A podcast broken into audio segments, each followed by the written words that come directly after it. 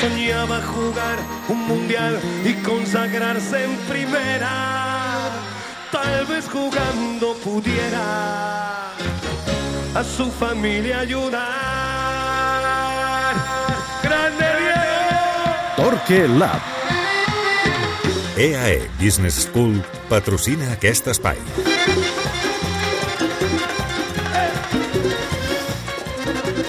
Tant de bo aquest 2023 hi hagi molts Torclubs parlant de les virtuts del Barça, però malauradament començarem l'any amb la no tònica del, amb la tònica del 2022, perquè aquest empat al derbi no va deixar gaire bones eh, sensacions. Ricard Torquemada, bona tarda i bon any. Bon any, bona tarda, Sònia. Com prova l'any fins ara? Home, molt bé, sí. que, són dos dies, no? Sí, portem dos, dos dies, ara ja només podem empitjorar-ho. Excel·lent. Bé, doncs, ara ho deia, tant de bo puguem parlar de les virtuts del Barça durant el que queda de temporada, però hem de començar parlant d'aquest últim partit del 2022, d'aquest derbi i d'aquestes eh, sensacions que jo deia que no són gaire bones. Per tu, perquè avui volem centrar-nos en això, quin és el símptoma més preocupant d'aquest Barça? Ui, la falta de gana, la falta d'il·lusió, la falta d'energia, de passió, quan el partit eh, l'havia encarat bé. L'inici de la segona part. És veritat que al final de la primera part l'equip ja no està amb la mateixa precisió, que l'Espanyol pot enfangar el partit i el Barça no fa res per tornar a donar-li continuïtat, ritme, però sobretot l'inici de la segona part. Jo, mm, a mi em va preocupar molt la, les sensacions de falta de d'il·lusió, no sé, de, de, de gana d'anar a buscar el segon gol, d'anar a rematar el partit, de saber que l'Espanyol només tenia un, una carta, que era que el partit s'allargués i tenir, intentar tenir alguna oportunitat als últims 10 minuts, un quart d'hora, i el Barça, conscient que aquesta era l'única alternativa del rival, feia la sensació que amb l'1-0 i la pilota i el temps a favor ja se sentia còmode. Quan un equip està en fase de construcció, eh, com hem parlat molt d'aquest equip, eh, no, no es pot negociar aquest punt de, de passió, de, de necessitat de tenir escenes eh, brillants, atractives, de reforçar-te, d'augmentar l'autoestima. O sigui, no, el Barça no va sobrat de, de totes aquestes notícies. I tal com tenia el partit, i després de la primera mitja hora, encara no entenc com és que l'equip es va aturar tant. I va coincidir també el, el canvi de Gavi, que jo crec que és un futbolista que ara mateix el Barça el, eh, li engega el motor, eh, li transmet aquesta passió que va faltar a la segona part. Uh -huh. A mi també em va semblar en la mateixa línia, eh? un punt de falta d'ambició quan ja et trobes amb 1-0 al marcador i l'Espanyol el tens grogui, que no, que no vagis a sentenciar el partit. Però, per tant, eh, per tu el, el problema gairebé és més mental que futbolístic? No vas detectar tants problemes futbolístics com, com No. mentals? Mm, La veritat és que en aquest partit no, perquè és que l'equip quan va jugar i va tenir el ritme adequat i la intensitat adequada va ser superior a l'Espanyol. Eh, de, podríem haver parlat amb un altre resultat de si l'Espanyol era prou rival, de si pot servir de termòmetre, de baròmetre... Aquests debats ja ens els sabem i depenent del, de qui és l'adversari, del partit de la Lliga, intentem a vegades doncs, eh, eh, diguem, baixar les sensacions d'eufòria i intentar controlar les de frustració.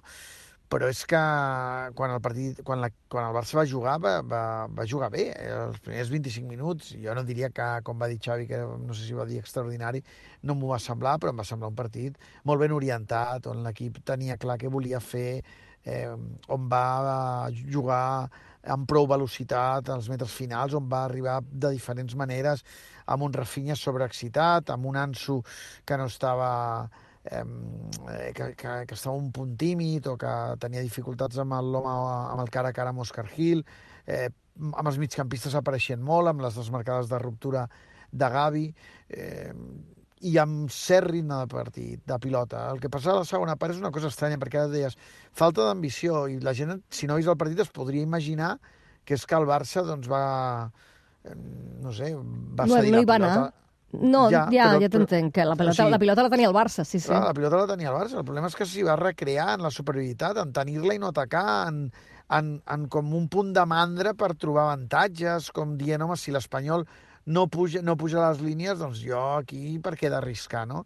I això d'administrar Per mi és perillosíssim quan un equip eh, està, diríem, en, amb lluna de mel, perquè ens entenguem, perillosíssim, uh -huh. però ho pots fer perquè estàs en un moment molt dolç, però el que és procedent absolutament és amb un equip que no està no ha arribat a aquest nivell, sinó que està intentant créixer. Un equip que està intentant créixer no té res a administrar, només té coses a guanyar, a conquerir, a envair i el Barça no va transmetre això gens a la segona part. Hi va haver moments en què la pilota estava aturada, els, els possibles receptors estaven aturats, l'Espanyol no pressionava i el partit es va anar endormiscant. Uh -huh. Ampliant el focus, Xavi va agafar l'equip ara fa un any escaig, va debutar precisament contra l'Espanyol. Eh, les cares han canviat des d'aleshores perquè hi va haver un mercat d'hivern, després hi ha hagut un mercat d'estiu. Tens sensació que hem avançat?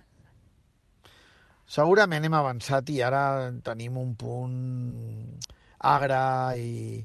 Però jo, jo, el que a mi em sap greu és que no hem avançat prou o no hem tingut la sensació d'un clic o d'un punt d'inflexió. O sigui, eh, eh, eh, hi ha hagut oportunitats i l'esperem al moment del canvi, però allò no té continuïtat. Vull dir, mm. Durant aquest any hi ha hagut partits on... Sí, va haver aquells, aquells dos pensar. mesos del febrer, de, jo ah, el situo de l'inici contra l'Atlètic de Madrid i que culmines al Bernabéu. I aleshores és com que d'un dia per l'altre, pum, et tornes sí. a fondre sí, sí. i ja no se sap per què no, no ha recuperat aquell clic de... de... No, no i, i potser sí que has deixat algunes obres interessants eh, durant, uh -huh. durant aquesta inici de temporada, però no, prou, no amb prou continuïtat com per pensar que, que s'havia deixat un capítol enrere. I aquesta és la, la frustració, aquesta sensació que perquè eh, la gent pot dir ara és que sí, però el Barça és líder, sí, és veritat, però tots sabem que aquesta és una perspectiva molt de present immediat, però mm. que, que el Barça jugant així, vaja, jo estic convençut que si no fa el clic, si no fa un salt de qualitat, no guanyarà cap títol. Segur, vaja, estic convençudíssim. Tant de bo m'equivoqui. Però eh, és necessari aquest salt de qualitat. I el salt de qualitat no es veu des del funcionament col·lectiu, no, no, no, no, no es veu des de la identitat, des de la personalitat. I això és el que frustra i desanima.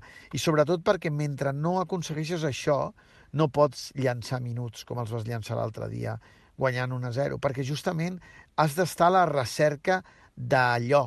Eh, i, I quan l'equip transmet que es va conformant amb, amb guanyar els partits o que va administrant resultats, estàs perdent oportunitats per estar més a prop de la recerca d'allò. I, I, per tant, mentre no aconseguim allò, doncs eh, a mi, per mi, la sensació és que, que això està aturat. Uh -huh. Avui volíem centrar uh, aquest Torquelab en el que més preocupant del que vam veure dissabte, el diagnòstic del Torquemada, molt clar, falta de gana, de passió, uh, d'il·lusió, digueu-li com vulgueu. Dissabte um, també vas parlar d'un nom propi concret, perquè és cert que una de les coses que va sorprendre uh, durant el desenvolupament del partit va ser el canvi de Frenkie de Jong que era probablement un dels millors del, del partit, i eh, tu vas dir que mm, és cert que aquell dia havia estat titular i vas dir, en l'estat de forma actual de Frenkie de Jong ha de ser titular. Sí. És a dir, els altres tres són els que s'han de, de lluitar els altres, les altres dues eh, posicions. Per què creus que ha de ser aquesta peça fonamental? Perquè crec que és la, la tendència de la temporada és el jugador que va més cap amunt. Eh, Pedri, la sensació és que s'ha ralentitzat, eh, i no aquesta temporada, eh, probablement són dues campanyes molt carregades de competició, ho vam veure al Mundial, ho vam veure abans del Mundial, i vam tornar a tenir la sensació, o vaig tornar a tenir la mateixa sensació contra l'Espanyol. És capaç d'encadenar bons minuts, de donar llum, però li falta que, que el partit que pesi més durant més minuts, no? Eh, aquella sensació que havíem tingut probablement la primera temporada i aquella Eurocopa. Jo, en el cas de Gavi és que, que també està en línia ascendent, però que és normal que amb 18 anys, mm, de la mateixa manera que Pedri és jove, encara Gavi més, pugui tenir eh, aquesta continuïtat, o se li, se, li ha, se li ha de perdonar o se li ha de concedir l'opció que tingui més puntes eh, al Serrell. Però la temporada que està fent De Jong, més enllà del context col·lectiu, jo crec que és immillorable. És a dir, quan De Jong es va veure més fora que dintre, la seva reacció va ser un fet des de l'inici de temporada. Ha fet un bon Mundial amb una selecció holandesa que no l'ajudava gens acaba de presentar la seva millor versió. Eh, ha fet bons partits com a mig centre. Me'n recordo eh, eh, un mal partit contra la Real Societat Anoeta a la segona jornada de Lliga que feia dubtar sobre aquesta possibilitat de ser el que tanqui al mig camp, però a partir d'aleshores ha fet, eh, a la seva manera, des de la seva interpretació d'aquesta posició, però sense descontextualitzar gaire el que l'equip necessitava, molt bones actuacions. Eh, I sabent que el futur de Busquets passa per molt curt termini, jo crec que el Barça s'ha de, o sigui, ha d'apostar i ha de, ha de buscar que, que De Jong sigui un jugador eh, indiscutible. És que m'atreveixo a dir que per una qüestió de rendiment, però també per una qüestió de futur a curt termini. Eh, no, el Barça no trobarà eh, a curt termini un mig centre posicional com Busquets, perquè no n'hi ha, i després perquè qui pugui ser és impossible que vingui. Per tant, s'ha de buscar un altre mig centre, i encara que tingui altres eines i que tingui un altre perfil. Mm -hmm. Doncs eh, aquesta és eh, l'opinió del per què Frenkie de Jong a dia d'avui està per sobre de la resta de migcampistes eh, del Barça. Home, el derbi, Frenkie de Jong va ser protagonista, diria que n'hi va haver un altre, tot i que no explica ni, ni molt menys eh, l'empat del Barça, però és eh, Mateu Laoz, i eh, vas arribar a dir eh, que el seu estil d'arbitratge, més enllà d'aquest partit, mm, hem, hem d'arribar a la conclusió que no és bo per l'esport, que s'ha de plantejar, s'ha de replantejar ell mateix com a àrbitre, no? Home, és que jo, Sònia, jo si fos àrbitre i els dos últims partits hagués ensenyat 32 targetes, o 33, o 31, haver perdut el, el compte... És que, a més, el derbi no va ser un derbi d'aquells que dius és que va ser calent des del minut 1. És que mm, diríem que ho escalfa ell a partir del 70. Pensaria, clar, pensaria i diria, escolta'm una cosa, això que m'ha passat és un accident, mm jo he de replantejar-me alguna situació. El meu estil d'arbitratge genera unes tensions amb els futbolistes que provoquen tot això i després ja he d'anar apagant focs. O sigui, faria aquesta revisió.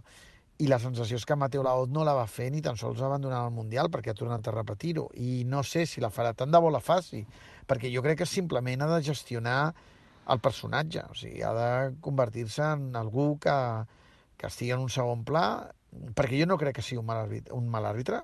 Eh, eh, crec que entén el futbol eh, d'una manera molt determinada i la té molt clara quan l'ha aplicat, però és que ara, ara, ara ja no, ja no és, ja no és l'àrbitre que era. Ara és un àrbitre que, més enllà del que sancioni i del que no sancioni, necessita eh, ser partícip. I aleshores el ritme va, eh, és el seu, no el del que necessita el partit.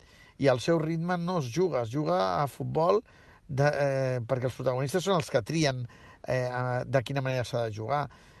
Jo, jo crec que ell hauria d'activar una reflexió. No que canviés la seva manera d'arbitrar, fa molts anys que ho fa, eh, que, triar com volia eh, dirigir un partit però sí eh, eh, el mode, la, la qüestió de, de, dels ritmes, eh, aquesta sensació d'aturar el partit quan ell vol per parlar amb qui vol. Eh, no, els jugadors el que volen és, és, és jugar. I, i, i jo crec que, que eh, ell i el col·lectiu arbitral haurien de reflexionar sobre... I, I vaig posar un cas i un exemple que per mi és significatiu, que és el de Marchinia, que a la final de l'Argentina-França, mm, sí, sí, un partit dificilíssim d'arbitrar, però que si, si ara no el destaquéssim, gairebé ningú recordaria qui va xiular aquell partit, des d'un discret segon pla, uh -huh. i, i més enllà d'encertar o equivocar-se en les decisions, perquè jo crec que Mateo Laos en les decisions transcendentals del partit no es, va, no es va equivocar, va encertar, però és que ell, ell va generar que el partit s'anés cap a una banda que no convenia a l'esport. Uh -huh. És que no ha de ser casualitat que tu puguis anar pel carrer amb fotografies de 10 àrbitres i probablement l'únic que et reconeixerà gairebé tothom gairebé tothom que estigui interessat en el món del futbol és a Mateu Laoz. Bé, no patiu, que Mateu tindrà la seva quota de protagonisme al tot costa, com a ell li agrada. El Joan Fàbregas diria que té una opinió semblant a la del Ricard, fins i tot més contundent. De seguida ho veurem. Ricard, moltes gràcies. A tu, Sònia.